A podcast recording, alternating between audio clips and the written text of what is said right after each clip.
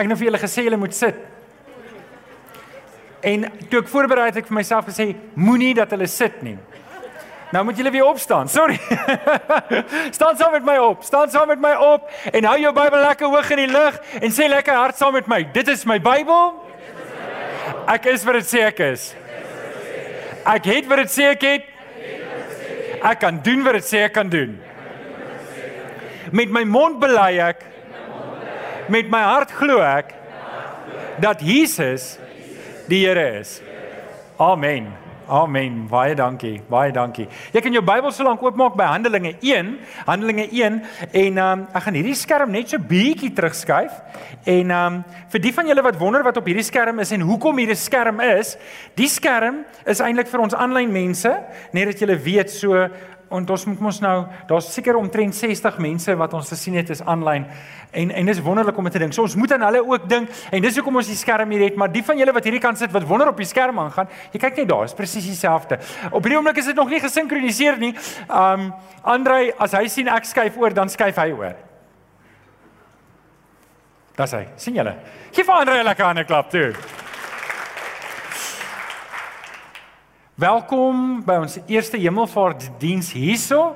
Ons het 2 jaar terug laas 'n hemelvaartdiens gehad. Ons het laas jaar eene aanlyn gehad en voor dit het ons 2 jaar laas. En weet julle wat ons het dis een van ons moeilikste goed gewees as gemeente om hemelvaart hemelvaartdienste te gehou het, want ons het nie 'n plek gehad nie. En ehm um, en dis iets wat ek baie na uitsien.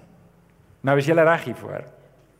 Gister het hulle ons gekontak en gesê dis reg, hulle bied vir ons die kontrak aan. Ja, prys die Here. Julle hoor dit nou eerste. Julle hoor dit nou eerste. Dit beteken dis nou vir ons om dit te aanvaar of te verwerp. So dis goeie nuus, verstaan julle? So wil julle hier bly? Ja. Is dit regtig 'n ja? Ja. Dan bly ons. Prys die Here. Kom ons vra net vir die Here om sy woord te seën in ons harte. Here, daar's so opgewondenheid in ons harte en ons harte dreis dit. En Here, is ons opgewonde oor u werking. En Here met hemelvaart is ons opgewonde want ons weet Here, daar's 'n verwagting in ons hart oor wat u môre gaan doen in ons lewe en wat u vandag doen in ons lewe. En vanaand wil ons net weer vir 'n oomblik stil staan om te herdenk, Here Kom vra ek dat U deur die Heilige Gees deur die woord in ons harte sal werk, dat ons werklik sal verstaan waaroor dit gaan. Ons bid dit in Jesus naam. En die kinders van die Here sê Amen. Amen. Ek wil ek wil die hemelvaartdiens begin deur net eers 'n bietjie terug te gaan. Kom ek sê net gou-gou vir julle, ons het 5 belangrike dae wat ons as Christene vier, maar nêrens sê die Bybel vir ons ons moet dit doen nie. Nêrens sê die Bybel vir ons ons moet hierdie hierdie dae hou nie. Ons doen dit en is goed en is reg. Maar um, ons hoef dit nie te doen nie, maar ons doen dit om ons geloof te bou. So ons is vanaand hier nie omdat daar een of ander verpligting of godsdienstige verpligting is. Niemand van ons was verplig om hier te wees nie. En dis die wonderlike ding. Ons is hier omdat ons lief is vir die Here. Is jy lief vir die Here? Sê amen. Ons is hier omdat ons lief is vir die Here. So ek wil vanaand vinnig met julle deur 'n paar goed hardloop en dan wil ek vir julle sê waar ons o is wanneer dit kom by hemelvaart. Maar kom ek vertel julle van 5 dae wat ons vier. Die eerste, die eerste dag wat groot is op ons kerkkalender is Kersfees. En wanneer is dit? Dis 25 Desember. Nou, ek moet julle nou eers net um egter teleurstel om vir julle te sê, Jesus was waarskynlik nie op die 25ste gebore nie.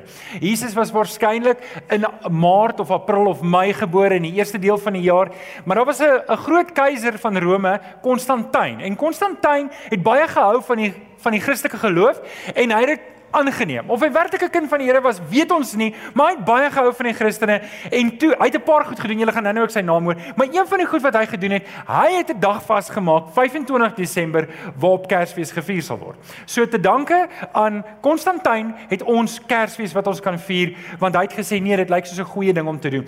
Net dat julle weet, Konstantin was die eerste Romeinse keiser wat die Christene baie baie goed gesind wees. Net net net dat julle weet die vorige het Christene omtrent uitgeroei en gemoor links en regs, maar Konstantin was was die Christene baie dit was so 300 336 na Christus. Die volgende dag wat ons vier, kan iemand raai wat se dag is dit? Is Goeie Vrydag. Ons vier Goeie Vrydag. Dis nog 'n dag wat ons nie hoef te vier nie, maar ons vier dit oor Paasnaweek, want dit is vir ons 'n kosbare dag. Dis die dag waarop Jesus Christus gekruisig is en en en hy's gekruisig in my en in jou plek. Nou, ek het al met mense gepraat en dan is hulle baie vies en sê, "Maar hoekom skuif ons regering elke jaar Paasnaweek? Hoekom is Paasnaweek elke jaar op 'n ander?" Dis omdat hulle dit by die skoolvakansies wil inpas. As dit maar so maklik was. Nou, ek het vir julle nou goeie nuus. Dit is nie ons regering ding wat Paasnaweek rondskuif nie. Dis die Joodse kalender wat dit rondskuif want Paasfees is nie eintlik eerste gebaseer op Jesus se kruisiging nie. Min mense weet dit, maar is eintlik gebaseer op die uittog uit Egipte. En en daarvan sin speel Jesus, hy's die lam wat geslag is. Dis sy bloed wat as te ware teen die deurkusyne van ons hart gesmeer is wat vir ons verlossing gegee het vir ons sonde. En hoe hulle bepaal waar Paasnaweek is, dis 'n Ou Testamentiese ding, is um as jy die 31ste Maart vat, dis wanneer die so dis die um stilstaan, die son stilstaan wat die dag en die nag ewe lank is. En jy vat die eerste volmaan daarna, dan jy Paasnaweek. So weet julle nou om Paasnaweek uit te werk. So dis toe nie regering se skuld nie. Is julle bly? Ons bly ons kan dit uitkom. Maar in die Nuwe Testament was Jesus die lam wat geslag is en hy het geboet vir ons sonde en dis een van die dae groot op ons kerkkalender wat ons vier en ons het dit nou die dag gevier, julle sal dit onthou. Die volgende ene is is Opstanding Sondag. Opstanding Sondag is um toe Jesus opgestaan het uit die dood en toe die graf leeg was. Nou kom ek sê vir julle wat's baie kosbaar hiervan. En mense weet dit nie altyd nie. Wie kan raai wat die sewende dag van die week? Wie wil raai? OK, wie sê dis Sondag? Steek gou op jou hande. O, oh, julle is te slim vir my. Want baie mense glo dit Sondag is die sewende dag van die week, maar dit is nie. Saterdag is eintlik van Vrydag sononder tot Saterdag sononder. En die eerste dag van die week is Sondag en dis die dag wat Jesus opgestaan het. En ons hou nie Sondag omdat ons 'n Sabbat wil hou nie. Ons hou dit spontaan soos wat in die Nuwe Testament verwys word as die dag van die Here. Wanneer jy in die ou vertaling lees van die dag van die Here, dan praat hulle van die Sondag, want die kerk het spontaan op Sondag begin bymekaar kom en dienste hou. En onthou julle ek het nou net vertel van 'n man met die naam Konstantin. Hy het toe gesien maar die Christene het 'n geweldige behoefte om op 'n Sondag bymekaar te kom en die Jode wil die Sabbat hê. Toe kry ons raai wat? 'n Naweek. Is julle nie bly vir Konstantin nie? Kyk, hy's die hy's die beste ding, wel voorgesnyde brood, nê. Nee. so Dan die volgende dag wat ons vier is Hemelvaart en dis waar ons vandag is. Nou Hemelvaart was altyd 'n publieke vakansiedag in Suid-Afrika gewees. Ek dink persoonlik dis goed dat dit nie dat dit 'n vakansiedag is nie. Want ek dink dit gee vir ons 'n geleentheid om te getuig. Dit gee vir ons 'n geleentheid om te sê, hoorie, ons gaan kerk toe vanaand. Vir wat gaan jy kerk toe op 'n donderdag gaan? Want dit is Hemelvaart. Dit gee vir ons 'n ekstra geleentheid om te getuig. En dis waar ons vanaand gaan praat, maar eers wil ek by nog 'n dag kom en dit is Pinkster. Dis die 5de groot dag op die kerkkalender wat die Heilige Gees uitgestort het. Nou, kom ek maak dit net gou moeilik vir Andre. Hemelvaart is 40 dae na Paasnaweek. Net dat julle weet waar hoe ons weet wanneer Hemelvaart is. En Pinkster is 10 dae, dis op 'n Sondag, is 10 dae na Paasnaweek. Nou, Ek weet, hier sit 'n paar van julle wat werklik worstel met jou geloof. En dis nie dat jy nie wil glo nie, maar jy sukkel baie keer om die drade bymekaar te bring. En en weet julle op 'n Sondag gaan 'n preek te vinnig en onthou 'n preek kan ek nie altyd presies jou behoefte aanspreek nie. Daar's twee boeke wat ek wil hê jy moet lees. En as jy nou as jy dit nou nie nou gaan neerskryf nie, kan jy die video na die tyd gaan kyk want dit gaan op YouTube wees. Maar die eerste ding wat die eerste boek wat ek wil hê jy moet lees is The Case for Christ van Lee Strobel. En um, as jy te lui is om te lees, dan kan jy die DVD kyk. Okay, want hy het dit ook op DVD. Dis 'n briljante storie wat afspeel in die 70's van hierdie um van hierdie wat se joernalis, dankie. Van hierdie joernalis wat um wat wat wat wat 'n ateïs was en hy wou uitgaan om Christus te bewys as nie werklik nie. En so meer hy dieper grawe is 'n is 'n ware verhaal, is nie opgemaak is 'n ware verhaal en toe kom hy tot bekering in homself. En so dis 'n goeie boek om te lees. En dan die ander een wat 'n bietjie swaarder lees is se evidence that demands a verdict van Josh McDowell. Um dis nou vir die vir die harrebaard Ek wil nie sê vrouens en mans nie, want dit klink nie reg nie. Maar jy kry die idee. Dis vir die mense wat werklik werklik hou van 'n bietjie akademiese leesstof. Dis 'n goeie boek om te lees, net om al hierdie goeters rondom hierdie 5 dae waarvan ons nou gepraat het, wys daar's historiese bewyse dat Jesus werklik geleef het. Het julle geweet daar's meer konkrete historiese buitebybelse bewyse dat Jesus werklik geleef het en gesterf het as wat daar bewys is dat Julius Caesar geleef het. Het julle dit geweet? Meer geskrewe. In die geskiedenis sê hulle as daar 2 of 3 afsonderlike geskrewe bronne is van iemand in die geskiedenis is dit genoeg om te sê dat hy werklik geleef het. En as jy Case for Christ lees, dan sien jy daar is soos oor die 50, 60 buitebybelse bronne wat terugverwys na Jesus in daai tyd. Wat sê hy het werklik geleef? Jy kan nie, jy kan jy, jy wanneer dit kom by Jesus, moet jy besluit neem. Jy kan besluit jy aanvaar hom of jy aanvaar hom nie, maar jy kan nie ignoreer dat hy werklik geleef het nie. Amen. Okay, nou kom ons kom by Hemelvaart. Ek wil jou vra om saam met my te lees in Handelinge 6. Ons gaan af vanaf vers 1 lees. Daar's ag van uh, Handelinge 1 vanaf vers 6 en uh, jy kan volg in jou Bybel. Nou, hier is die laaste keer wat Jesus aan sy disippels verskyn, dis Hemelvaart en ons lees toe hulle weer 'n keer bymekaar was, het hulle vir Jesus gevra: "Here, Is dit nou die tyd dat hierdie koninkryk van Israel weer gaan oprig? En hy het hulle geantwoord: Dis nie vir julle om die tyd en die omstandighede te weet wat die Vader in sy eie mag bepaal het nie. Maar julle sal krag ontvang wanneer die Heilige Gees oor julle kom en julle sal my getuies wees in Jerusalem sowel as in die hele Judea en in Samaria en tot in die uithoeke van die wêreld. Nadat hy dit gesê het, is hy opgeneem. En terwyl hulle dit sien en 'n wolk het hom weggeneem sodat hulle hom nie langer kon sien nie. Terwyl hy weg, weggegaan het en hulle nog stip na die hemel kyk, het daar skielik twee mans in 'n wit klere by hulle gestaan. Die sê toe vir hulle: "Galileërs, waarom staan julle so na die hemel en kyk? Hierdie Jesus wat julle van van hierdie Jesus wat van julle af na die hemel toe opgeneem is, sal net so terugkom soos julle hom na die hemel toe sien opgaan het. En ek wil net op vers 11 stil staan wat die engele, die mans met wit klere met die disippels gesê het: "Waarom staan julle so na die hemel en kyk?" Waarom staan julle so en kyk? Kom, daar's werk om te doen. Kom, kom, kom, kom. Julle kan nie net hier rond staan nie. Laat julle aan die gang kom. Jesus kom weer terug. Julle gaan hom sien soos hy weggegaan het, gaan hy terugkom. Laat julle aan die werk kom. Kom, stamp die ou langs aan en sê jy moet aan die werk kom. Waar, waarom sit jy net so? Waarom sit jy net hier rond? Okay, bly net nog 'n oomblik sit, okay? Moenie nou hier uithardloop nie. Ek wil vier feite met julle deel wat ons nou uit hemelvaart uit moet vat in ons harte en sê ons is nou in 'n tussenfase.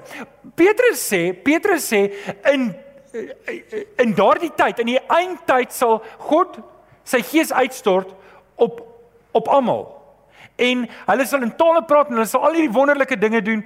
En wat ons moet verstaan is ons leef in daai tussen Daai tussenfase van wat die Heilige Gees uitgestort is en die wederkoms. Ons is die ons is die generasie wat Jesus moet uitvat na hierdie wêreld toe. En en dit moet julle onderliggend hou. So kom ek kom ek vat net eers 'n paar feite wat jy moet glo en dit is toerusting wat vir jou as jy hierdie goed nie glo nie, is al groot krake in jou fondasie en gaan jy nie net sukkel in jou geloof nie, maar jy gaan niks hê om te vir die wêreld te bid nie. Jy gaan niks hê om te verkondig nie. Jou jou boodskap gaan dood wees en jou getuienis gaan niks werd wees nie. En die eerste feit wat ek en jy moet glo is Jesus is werklik gebore. Ouens, ons is nie hier omdat dit net lekker is by mekaar te wees nie. Ons is nie hier omdat Fransjo lekker koffie maak en Hanlie lekker tee maak nie. Ek het gehoop iemand gaan sê amen, maar hulle daai gemis. O, ons is hierdie is nie 'n social club nie. Hierdie is wat sê die maatskappy wat die uh, See Reddingsinstituut NSRI Dis ons. Dis ons.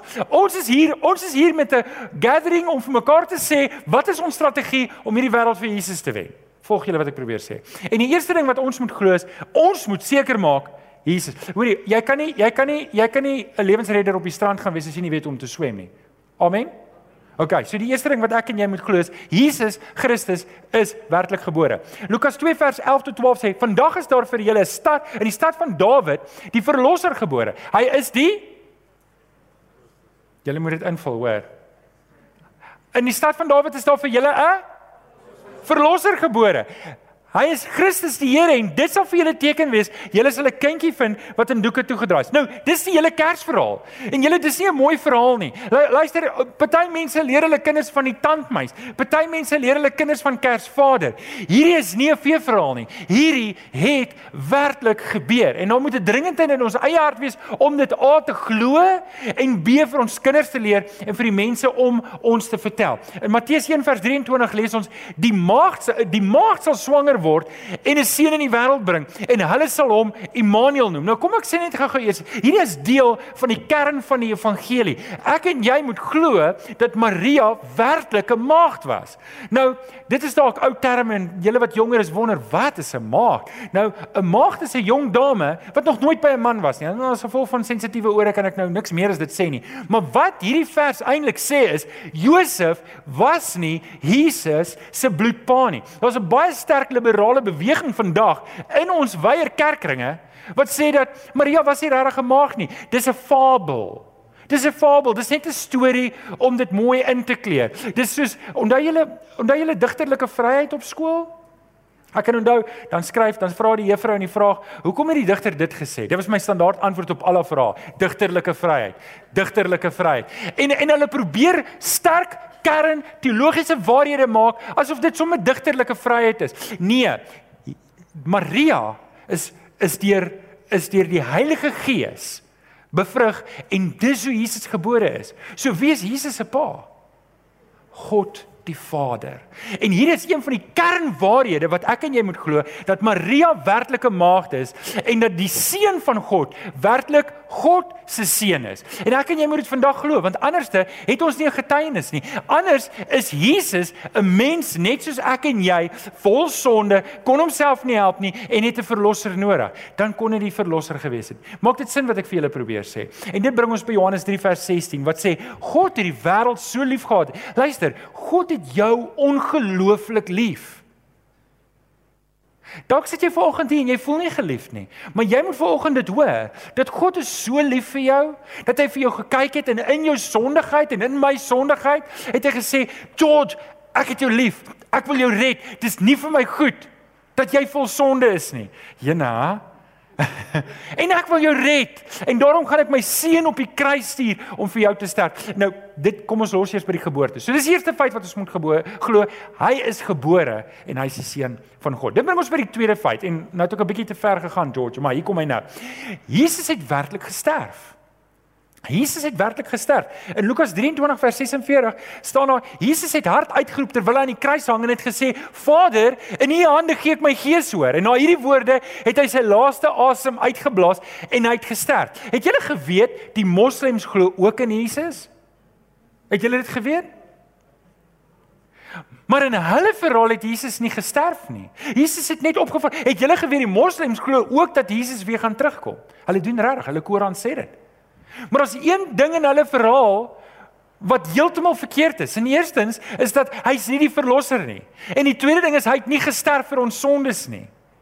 En en dit maak al die verskil. Dit maak al die verskil. En wat ek en jy moet verstaan is, toe Jesus aan die kruis gehang het en en die voorhangsel het geskeur en en hy het gesê Vader vergeef hulle want hulle weet nie wat hulle doen nie en hy hang daar na 'n oomblikke en toe hy sê dit is volbring en hy en hy roep hard uit Vader, in U hande laat ek my gees hoor en hy sterf toe hy sy laaste asem uitblaas, het hy werklik gesterf.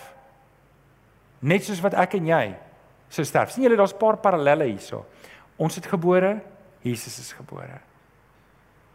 Net soos wat Jesus gesterf het en soos wat ons sal sterf en dood is, was Jesus dood. Dit was nie 'n skyndood nie. Dit was 'n regte egte dood. Ons lees later in die skrif, Jesus was so dood dat hy homself nie kon opwek nie. Die Heilige Gees het hom opgewek. Jesus was regtig dood. As hy nie werklik gesterf het nie, was daar nie verzoening vir ons sonde nie. Daar was ons net so verlore in ons sonde soos voor die tyd. Sou nie help om Jesus aan te neem nie. Want hy het nie gesterf nie, die prys is nie betaal nie. En dit is hoekom Paulus hierdie woorde sê in 1 Korintiërs 2 vers 2. En ek wil vir julle sê hierdie is een ding wat ek hoop die Here kan in my lewe regkry. Dis wat ek droom om my lewensmotto te maak. Ek het my voorgenem om met julle oor niks anders te praat as oor Jesus en hom die gekruisigde en wel hom ja ek lees hom weer. Ek het my voorgenem om met julle oor niks anders te praat nie as oor Jesus as die Christus en wel hom as die gekruisigde nie. Dit is ons storie. Dit is ons krag. Dit is ons boodskap. Jesus Christus het gesterf vir my en vir jou sonde. Nou ek wil hê jy moet vir 'n oomblik insink by jou. As ek vanaand vir jou sê, luister, Jesus het werklik aan die kruis gesterf vir jou sonde. Dan wil ek jou vanaand vra, het jy sekerheid dat jy werklik 'n kind is van die Here? Het jy sekerheid dat jy al die Here aangeneem het as jou verlosser? Het jy sekerheid? Het jy al op daai punt gekom wat jy voor die Here gebreek het en gesê het Here, ek het 'n vrot ou lewe wat nutteloos is, vol sonde en ek het U verlossing nodig? Het jy al op daai punt gekom in jou lewe? Want dit is die Dis die eerste stap in die koninkryk in en dis waar ons moet kom. Ek ek wil graag vir julle nog 'n vers lees en dis in Romeine 1 vers 16 en ek haal hom uit die 2020 vertaling uit want hy sê dit vir die hy sê dit vir die mooiste. Hy sê ek skaam my nie vir die evangelie nie want nie dit is sommer net krag nie dit is die krag van God tot verlossing vir elkeen wat glo. Sien jy daai woord glo? Ons moet glo dat Jesus werklik gesterf het. Ons moet dit glo. As ek dit nie glo nie, is my is my boodskap is my is my getuienis dood en het ek nie 'n getuienis nie, is ek het ek nie 'n boodskap om te verkondig nie en is ek nie gered nie. Bring ons by die derde feit wat ek moet glo rondom Jesus en dit is Jesus Christus het werklik uit die dood uit opgestaan. Jy kan sien hoe vat ek julle. Ons is eers by sy geboorte, hy's werklik gebore, hy hy het werklik gesterf, maar hy het werklik opgestaan uit die dood en dis vir ons oorwinning lê, want as hy nie opgestaan het uit die dood nie, dan was hy dood. En dan kon hy ook niks vir ons gedoen het nie. So hy moes die dood oorwin het. En ons lees in Handelinge 4 vers 33 die apostels het kragtadig getuig dat die Here Jesus uit die dood opgestaan het en die genade van God was groot oor hulle almal. Lees ons verder, het die Here 'n klomp mense gered. Sien, ek en jy het 'n boodskap, nie van 'n dooie verlosser nie, maar van 'n lewendige verlosser. Ek en jy het 'n boodskap van 'n Jesus wat leef. Luister, wie van julle sê ek is lief vir die Here Jesus? Ek het 'n lewendige verhouding met hom. Wel, jou Jesus is lewendig. Hy's lewendig. Hy's nie dood nie. Hy het uit die dood uit opgestaan. En weet julle wat behels dit vir my en jou? Dit behels dat ek en jy kan opstaan. Jy kan opstaan. Daar's geen rede hoekom jy nog in jou verlorendheid en jou sonde hoef voort te leef nie. Daar's geen rede. Ek wil hê jy moet mooi dink oor die ding waar jy nog nie oorwinning het in jou lewe nie. Dan wil ek hê jy moet dink aan Romeine 8 wat sê ons is meer as oorwinnaars deur Christus wat ons die krag gee. Jy is 'n meer as 'n oorwinnaar deur Jesus Christus wat jou die krag gee. Jy het al die krag wat jy nodig het om op te staan van wat dit is wat jy nodig het om op te staan. Iemand sê net 'n bietjie amen toe. En kom. Maar ons het 'n tweede faset hiervan en dit is eendag gaan ek ook opstaan. Want sien as ons kyk na die geskiedenis, almal wat voor ons gekom het is waar. Alles 'n bietjie dood, nê. Nee. OK, en en uh, as die Here vertoef om te kom, dan gaan ons almal daai pad stap. Maar Jesus het vir ons die voorbeeld gestel. As ons in Christus sterf, sal ons lewe al het ons ook gesterwe. So met ander woorde, die dood intimideer ons nie meer nie. Die dood is nie meer ons grootste probleem nie. Ons het in Christus die ewige lewe. Amen.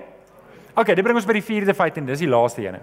En dit is Jesus het werklik opgevaar na die hemel. Ons lees in Romeine 8 vers 34 Christus Jesus het gesterf, maar meer as dit, hy is uit die dood opgewek en hy sit aan die regterhand van God. Hy pleit vir ons. Nou, dit bring ons by die laaste woorde wat Jesus vir sy disippels gesê het. En hy het vir hulle gesê, wel, hy het vir hulle gesê, ek gaan weg en ek kom weer terug. En toe die manne daar agter gebly, die engele, het hulle het hulle gesê, "Wat kyk julle so na die hemel? Wat staan julle so na die hemel?" Hierdie selfde Jesus wat julle soos julle hom gesien het opvaar, so gaan hy terugkom na julle. So okay, wat is volgende vir ons? Ons is nou hier. Dis hemelvaart. Wonderlik. Ons is bly. Jesus het opgevaar hemel toe, maar wat beteken dit vir my en wat beteken dit vir jou? Wat moet ons nou doen? So ons sê vir mekaar, ons gaan Jesus weer sien, maar kans is goed dat ons nog 'n bietjie gaan lewe. Die Here gaan terugkom, maar ons weet nie wanneer dit is nie. Weet julle wanneer dit is? Ek weet nie wanneer dit is nie. Dit kan vanaand wees. Hier's gesê dit gebeur soos 'n dief in die nag, nê? Nee? So wat moet ons doen? Hier's 'n paar goed wat ons moet doen. Die eerste ding wat ons moet doen is wees gereed. Wees gereed. Jesus het ver, verskeie verhale vertel van om gereed te wees, maar die een belangrike een wat hy vertel het was van die vyf vyf wyse maagde en die vyf vyf dwaase maagde. Onthou julle dit? Dit was 10 maagde altesaam. En um En daar was 5, hulle was gereed. Hoekom was hulle gereed? Hulle het hulle het olie gehad. En die ander het hulle het nie olie gehad nie. OK, en toe Wat het gebeur met die wat nie gereed was nie? Hulle het buite gebly. Met ander woorde Jesus vertel, hy hy waarsku ons. Hy sê hoorie ouens, julle moet gereed wees. Moenie moenie verslap in julle geloof nie. Moenie moenie moenie net jou okay, ek's nou gered, tikkie boksie, nou wag ek dat ons hemel toe gaan nie. Dis nie hoe dit is om gereed te wees nie. Ek en jy moet gereed wees en alles wat in my en jou lewe op hierdie oomblik ons verhinder om gereed te wees, moet ons uitwerk. Partykeer lewe ons met 'n tekort van 'n tydshorison. Ons dink, luister, as ek 80 jaar gaan oud word, dan is dit nou wonderlik ek het nog 'n paar jaar oor hier op aarde en ek leef volgens dit. Maar ek moet nie met 'n 10 jaar of 'n ek moet met 'n 80 jaar tydshorison leef nie. Ek moet met 'n met 'n 100 000 jaar tydshorison leef. Ek moet met die idee lewe dat hier's lewe na die dood en en wat ek hier doen het 'n impak. Ek moet gereed wees. En um, dis wat Jesus sê in Matteus 24:42, bly dis waaksaam omdat jy nie weet watter dag julle Here kom nie. En en en die tweede ding wat ons moet doen is, en dis 'n stappie verder is, ons moet met verwagting leef. Ons moet met 'n verwagting leef. Luister, ek dink te veel kinders van die Here lewe soos losers. Jy jy het my al baie dit maar ek, ek het regtig 'n probleem daarmee. Het kinders van die Here lamsakkig lewe en ag ons sukkel maar net voort. Hoe gaan dit? Ag dit gaan oukei. Okay. No way. Is jy gered? Dan gaan dit op jou slegste dag goed met jou. Amen. Selfs op jou slegste dag, jy's uitgewas en maak nie saak waar jy is nie. Jou tamatie toebroodjies het heeltemal verlep geraak in jou, maar jy's nie verlep nie. Te veel Christene leef soos verlepte tamaties wat die hele dag in die skoolkosblik was. Wie van julle onthou dit? Jy kan sien dit my mentally geskaar. Ek kan onthou ons my, my tamatie toebroodjies was later aan so ek kon dit met 'n lepel eet. As jy standaard 8 is, nê, nee, Dan as jy so honger het, maak nie saak hoe daai tomatie broodjies eet, jy eet dit maar.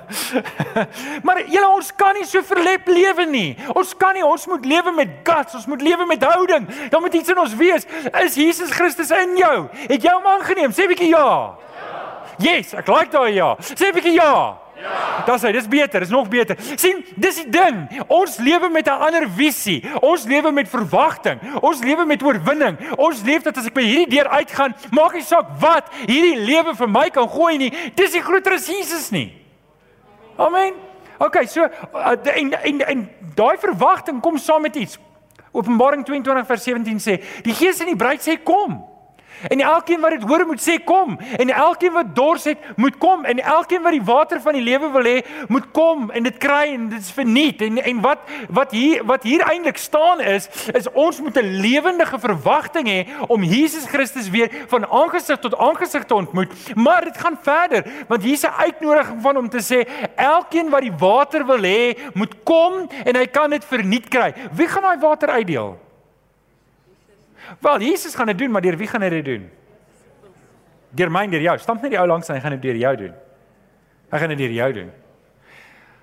Nou ek weet nie. Het het jy al het jy al met 'n sakkie vol geld in 'n winkel ingestap? Jy gaan 'n nuwe TV koop, nuwe kar of 'n nuwe wat. En jy's opgewonde, man. Jy voel soos 'n nuwe sixpence. Jy het nou jy het 'n paar rand, jy het 'n hoender in die bank en jy gaan nou iets koop.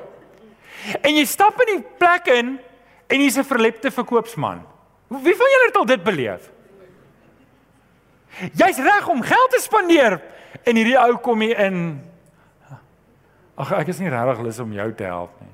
Vir ek is regtig nie lus om by jou iets te koop nie.